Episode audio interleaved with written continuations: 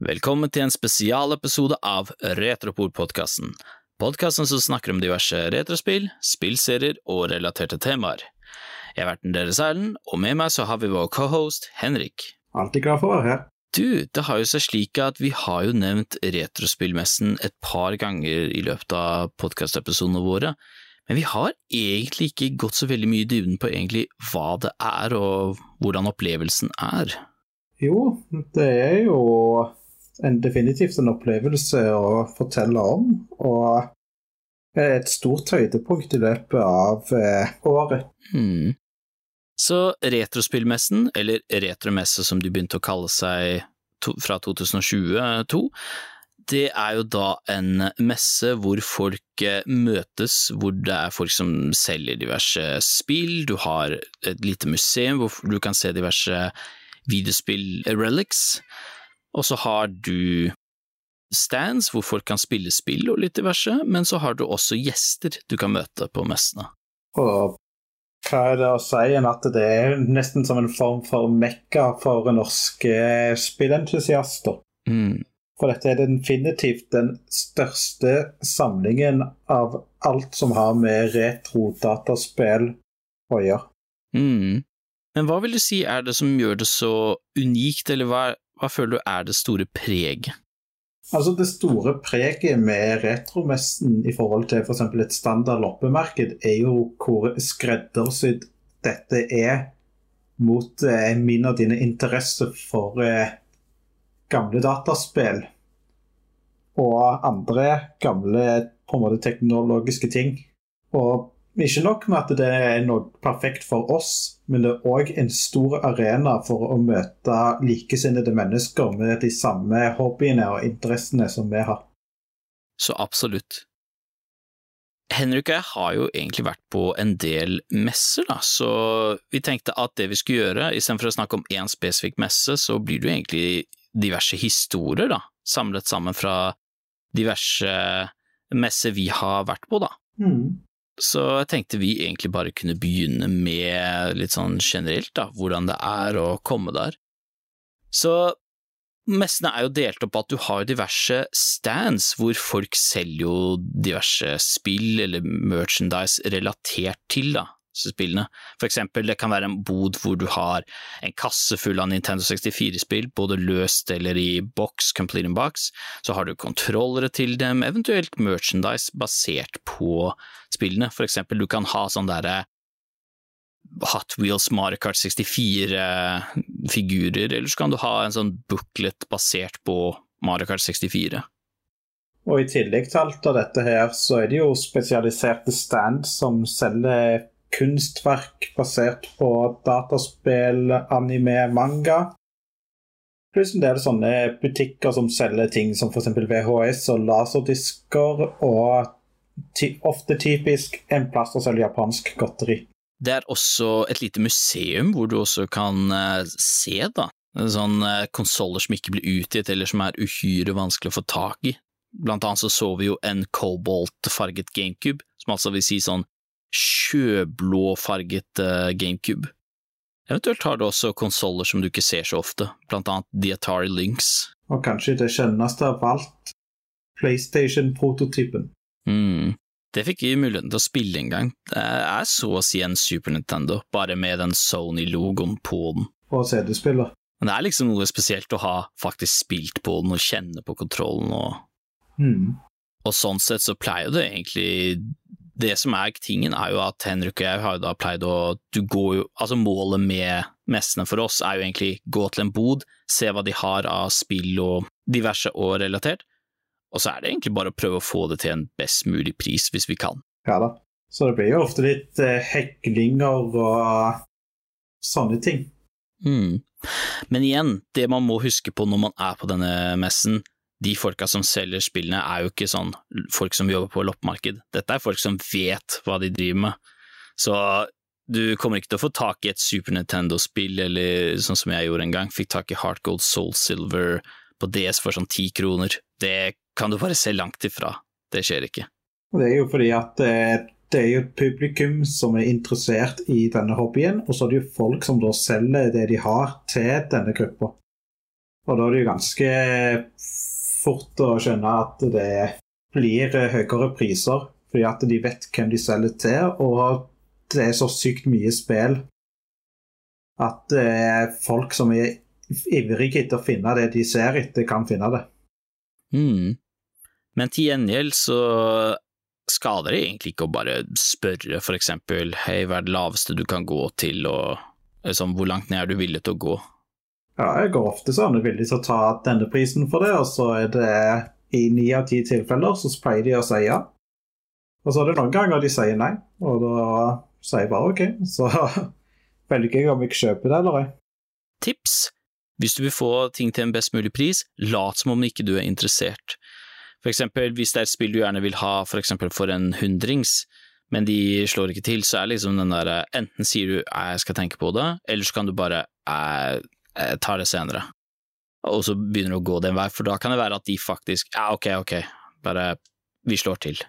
Så når det kommer til funn, da, Henrik og jeg har jo funnet egentlig ganske mye, og det vi har tenkt å fortelle nå, er jo bare keep in mind, vi fant ikke alt dette på samme dag. Dette her er jo, sånn som vi nevnte i stad, dette er jo da en samling av diverse funn fra forskjellige messer.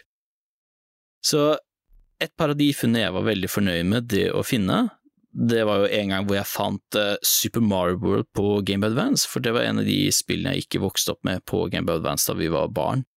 Jeg hadde spilt uh, den originale Super Mario World på emulator, eller SNES-emulatoren, og det var liksom oh, den her er gøy. Så jeg husker ikke hvor mye jeg fikk det for, men jeg tror det var sånn 400 og noe. Men til gjengjeld så var det jo en ekte kopi, og boksen var i god stand, så var det liksom yay, fornøyd med det her. Ja, altså, jeg vet ikke hvor mye jeg skal skryte over hvor mye penger jeg har brukt på retromessen, men eh, som sagt så var jo dette her en veldig fin arena for å finne spill jeg har vært på utkikk etter. Og første gangen jeg var på retromessen i 2016, så var jeg på utkikk etter et spill med navn Terranigma. Og jeg hadde jo blitt irritert Erlend såpass mye med at jeg hele veien drev og så etter spillet og fulgte kanskje litt mye med på alle eBay-listinger som kom. Så da jeg var på den arenaen, så sa han jo, her er det jo faktisk muligheten til å faktisk finne det. Kanskje du finner det? Ja, Jeg fant det først, og så spurte jeg på prisen, og så sa de 5000. Ha, ha, ha, ha, nei. Og så drev jeg og så fulgte litt mer rundt omkring på det, og så så jeg der. Det var fremdeles til salgs. Fremdeles 5000. Så var det sånn Stirra på det. Jeg bare stirra på det. Det er sånn Det er her jeg kan kjøpe det. Så var det bare stirre på det og stirre på det og stirre på det. Og stirre på det. Og så gikk jeg jo på forskjellige stands og hele veien så etter andre spill jeg skulle kjøpe. og Hadde litt sånn eh, alternative kjøp jeg kunne kjøpe dersom jeg ikke gikk for Terranigma. Men så kom jeg over en annen eksemplar til 2000. Og det som var komisk, var at det var jo mot slutten av dag én. Så jeg hadde jo allerede brukt eh, mesteparten av pengene. Så da var jo jeg sånn ha, Skal jeg kjøpe den nå, eller skal jeg ikke? Og da var det sånn ah, Jeg kan ikke la være å ikke kjøpe det. Jeg kommer tilbake igjen, jeg skal bare ta ut penger. og du gjør det. Og så husker jeg bare sånn Nei, den skal du bære sjøl. Jeg vil ikke være ansvarlig hvis det skulle skje noe med den. Ja, det som var komisk, var jo det at eh, på vei tilbake igjen til togstasjonen så møtte vi bare på en tilfeldig person som vi snakket med. Og da spurte vi litt sånn Var det noe du på en måte lette etter som du på en måte ikke fant? Og så så jeg litt sånn oppgitt at han lette etter Terranigma, men ikke fant det. Jeg var faktisk litt eh, ondskapsfull med det at jeg visste at jeg hadde det. Ja, det var litt som å gni fjeset på han på en måte, men Ja, det er jo ikke akkurat eh, jeg har blitt mer forpasselig med å gjøre sånt, men det var jo litt sånn gledesrus akkurat der over å få tak i det. Så uansett, da.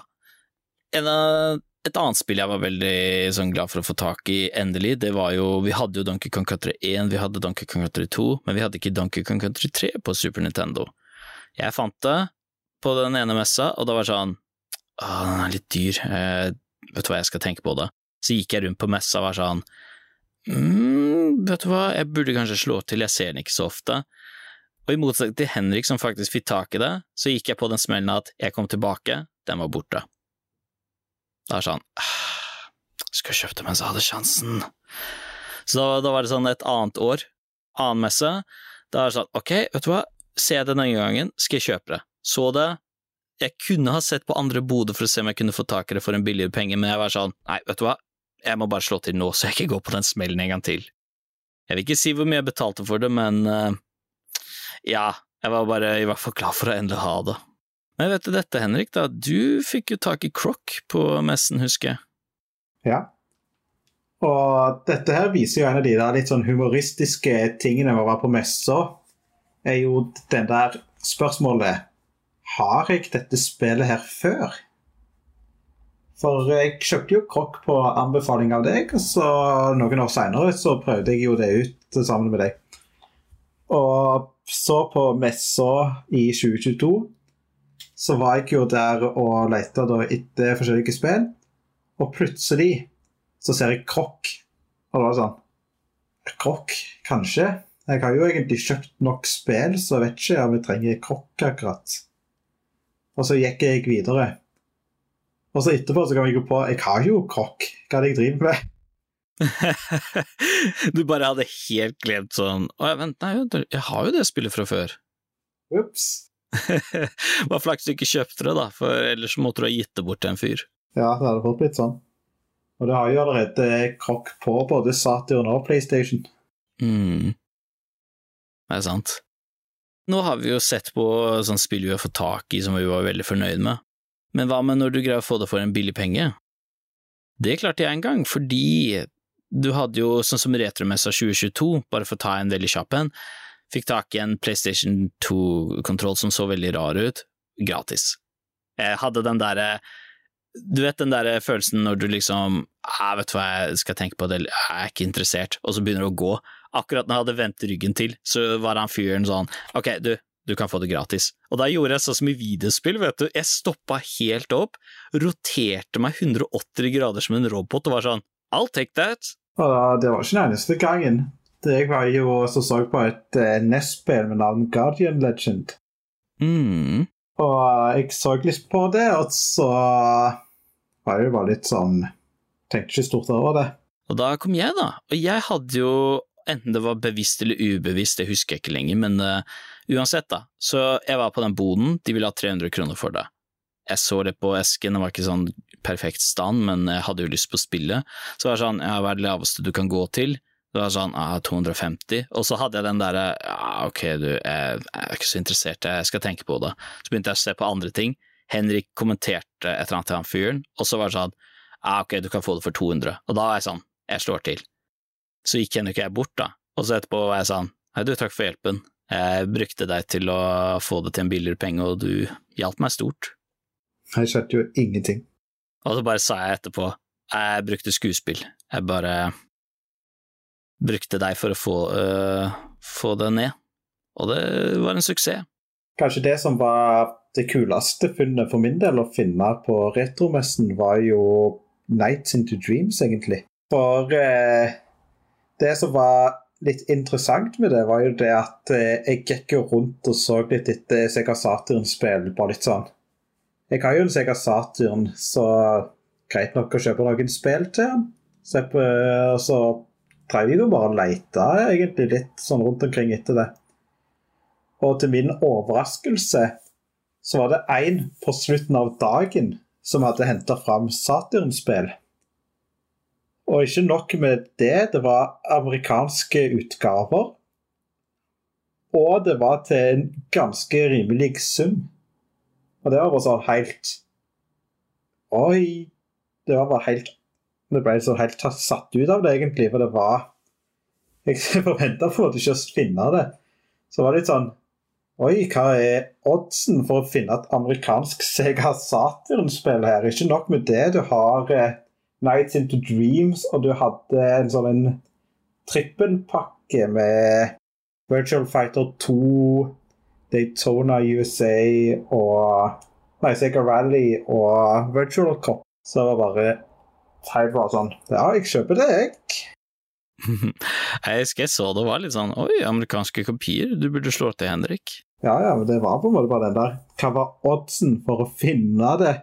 Og hva var oddsen for at eh, den som fant spillene, tilfeldigvis hadde en måte Sega Saturn som kunne spille amerikanske spill? Ikke sant? Men det som er jo litt artig, da, når du er ferdig med messen, du kommer hjem og du ser på hva du har funnet, så er det litt sånn oi, jeg kjøpte egentlig mye mer enn jeg trodde. For det var sånn, på retromessa 2022 så hadde jeg jo en hel sekk og en pose full av spill. Når vi kom hjem, så var det liksom Herre, ok, hva var det du fikk?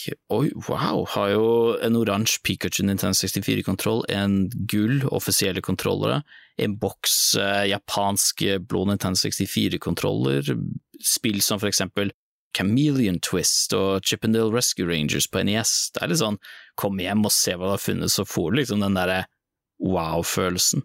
Dette har jeg fått tak i. Ja, men det er jo litt sånn kjekt. Og kjekk følelse å ha. Og nå har vi jo snakka veldig mye om funn og sånt. Men eh, det som er fint med en sånn en convention som Retromessen, er jo det at eh, messer ofte inviterer kjente folk innenfor dette miljøet, enten det er stemmeskuespillere eller youtubere og andre folk som tilfeldigvis har en del med dette mediet å, å gjøre. Mm. Så vi kan jo fortelle om et par av de folka vi har møtt, da. Vi kan eh, De jeg var veldig glad for å møte, det var jo folk som jeg pleide å følge med på ganske mye før i tida. Det var jo The Game Chasers. Jeg var jo bestemt meg for å være egentlig ikke være sånn starstruck med noen av folka vi møtte der. Jeg var sånn ok, vet du hva, de er bare helt vanlige folk, bare pust inn og ut, ta dem rod, you got this. Gikk jeg bort og var sånn Hei, folkens, og så hilste de tilbake, og så prata vi litt om hei, hvor lenge har du fulgt med på showet? Jeg begynte å se siden episode fem, og det var sånn å, wow, så kult. Det er liksom, når du møter folka, så ser du hvor hyggelig de kan være, og så er de interessert i deg også, så er liksom, dette her er så kult.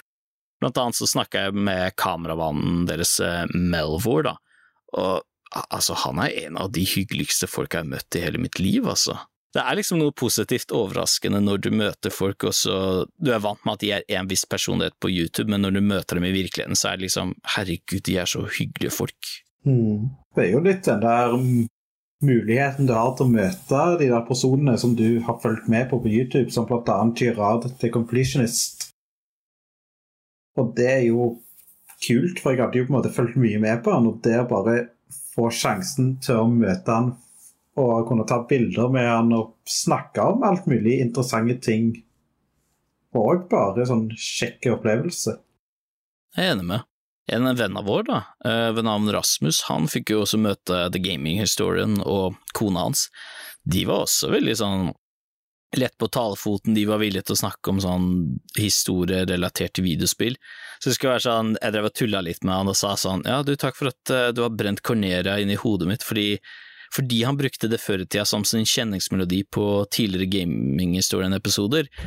Så er det sånn, hver gang vi spiller Super Smash Brothers eller Melee, så det er sånn, hver gang jeg hører Cornera-themen, det eneste jeg tenker på er ikke Star Fox, men gaminghistorien. Ja, det det er litt sånn når folk bruker forskjellige spillmusikk i introene sine. Snakk om eh, det med spill og sånt. Vi var jo òg heldige til å møte på mange av eh, spillutviklerne som jobbet i Rare. Det var en highlight. Jo, det er kult å på en måte møte på mange av de utviklerne. Det var jo både David Wise, og så var det Kevin Baileys. Sean Pyle. Ja, Sean Pyle. Og Chris Marlowe, aka The Great Mighty Pooh fra Conquers Bafferday. Ja, og så har vi òg enkelte andre som har vært med enkelte ganger, som bl.a. David Doke. Så det som er litt artig med Rare-folka, det var jo Jeg fikk jo blant annet snakka litt med David Wise.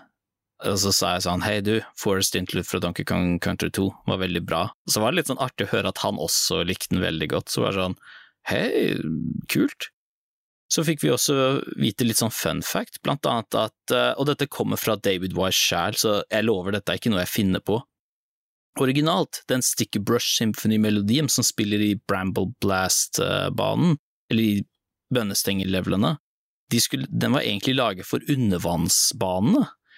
Men så valgte de eh, den her er så fin, eller jeg tror på grunn av noe sånn der utviklerforandringer eller noe, så ble det bytta over til de der bønnestengel-levelene. Så det er sånn fun fact som er artig å vite. Er det sånn, å ja. Huh. Jeg kan se det for meg når jeg tenker over det, men jeg ville aldri tenkt på det hvis du ikke hadde nevnt det. Så snakka vi med de som var, var med å lage Conquers for Day, blant annet Sean Paul og Chris Marlowe, og da fikk vi vite litt sånn blant annet om leveler som kunne vært med, og så snakka vi litt sånn om potensielle leveler som kunne vært med. Blant annet så snakka vi om hva hvis det var et eller annet sånn julelevel i en potensiell Conquers for Day-oppfølger, hvor det er en slags Home Alone-type opplegg hvor Conquer mister pengene sine fra en Kevin McAllister-esk karakter, så går han inn i huset sitt, men så er det randomized for hvilke feller som er aktive eller ei. Og det er litt sånn artig å høre hva, hva rare-folka sjæl syns om det. Sånn, det høres ut som en artig idé. Men det som også er litt artig å vite, er jo hvordan det blant annet var å lage Conquers Bad for Day. Sean Pyle, en av programmererne for spillet, snakket jo blant annet om at uh, det var en test de gjorde hvor du skulle ha Conquers Bad for Day gående i 24 timer i strek, men så var det fem minutter før 24 timer hadde gått, så krasja spillet automatisk, og da tok det lang tid for dem å forstå ja, men hva i all verden er det som uh, Hva er det som gjør at dette skjer, da? Så fant de ut da, at uh, på grunn av de hadde programmert inn at det kommer honningdråper ut av en bikube man bærer ut fra et vepsebol, og den faller gjennom en liten sprekk som man ikke så, så førte den til at den bare fortsatte å falle og falle og falle og falle, falle, falle, til den nådde et punkt hvor det er ikke mer minne igjen i spillet, og da bare krasjer spillet automatisk. Mm. Og det verste av alt var jo det at den glitchen der skjedde fem minutter før 24-timerstesten. Så hvis de, den glitchen ikke hadde skjedd, eh, hadde skjedd sånn seks minutter seinere, så hadde det spillet vært godkjent for å kunne bli sendt ut. Ja, det kunne vært et problem eh, hvis spillet krasjer og ingen vet hvorfor. Så det var jo litt sånn det er jo bra at det ble fiksa, men det var ikke sånn og synes på en måte litt sånn synd på det. For det at eh, fem minutter, og de kunne vært utgitt spillet mye tidligere i stedet for å ta en ny, dyr runde med testing.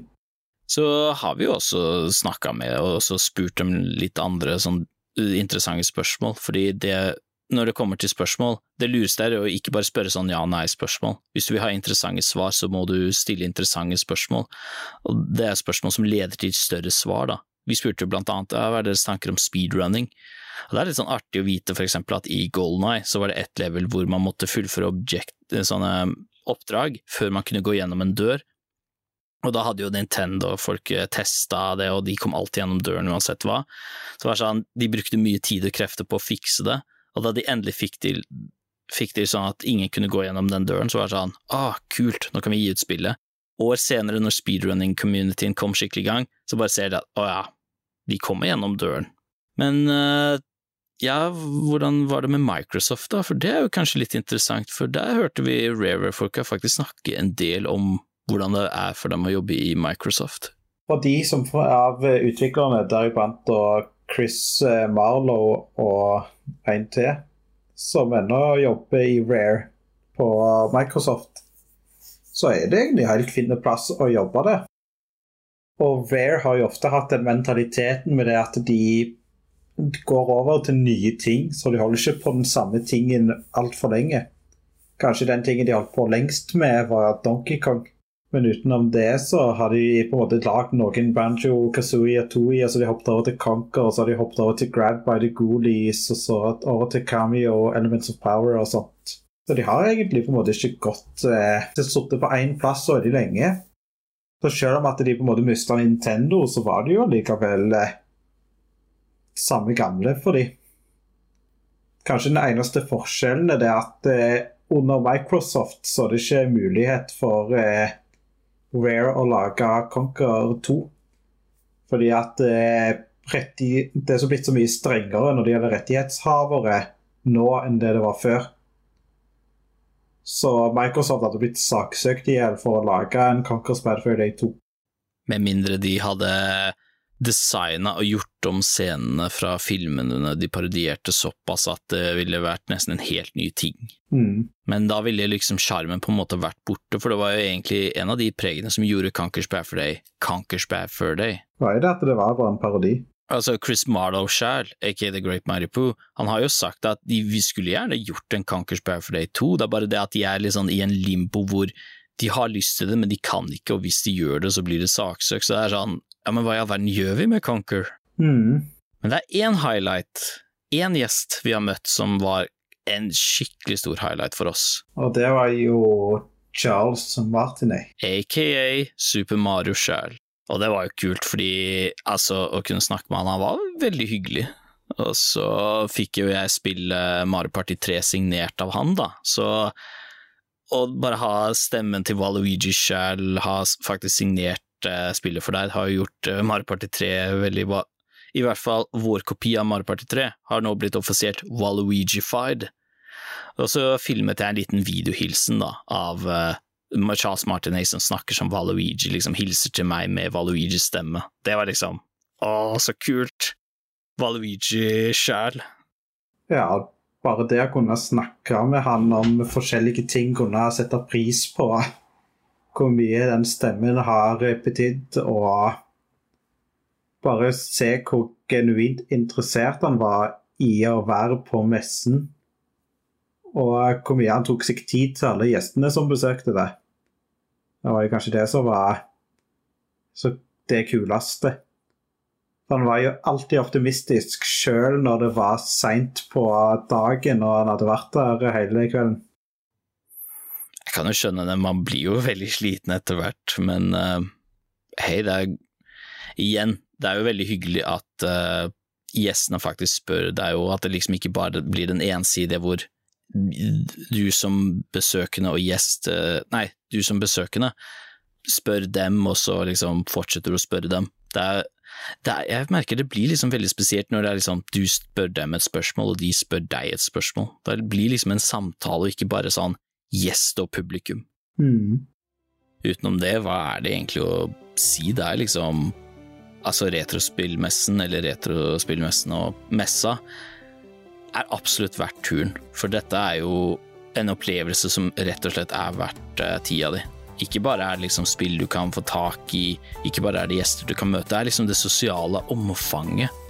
At du kan gå til en stand, uh, få tak i spill som du gjerne kanskje ikke visste at du trengte, eventuelt spille et eller annet tilfeldig spill på en maskin som folk har bare satt opp og gjort klart for alle sammen. Det er Åh, det Jeg vet ikke om det finnes noe ord for det. er liksom en spesiell glede. Eller hvordan vil du beskrive det, Henrik? Som jeg sa tidligere, helt i starten, det er et mekka for eh, folk som er glad i dataspill. Mm. Det skjer jo én helg i året. Jeg vil absolutt anbefale alle, hvis dere har tid, ta turen. Om ikke for spillene sin del, så er det egentlig bare for opplevelsen sjæl. Pluss du kommer deg ut og får vært litt sosial. Strekk deg litt på beina og sånt, og så go for it. Og med det så er vår spesialepisode ferdig. Tusen hjertelig takk for at dere hørte på, og så, så snakkes vi. Ha det bra. Ha det bra, ja.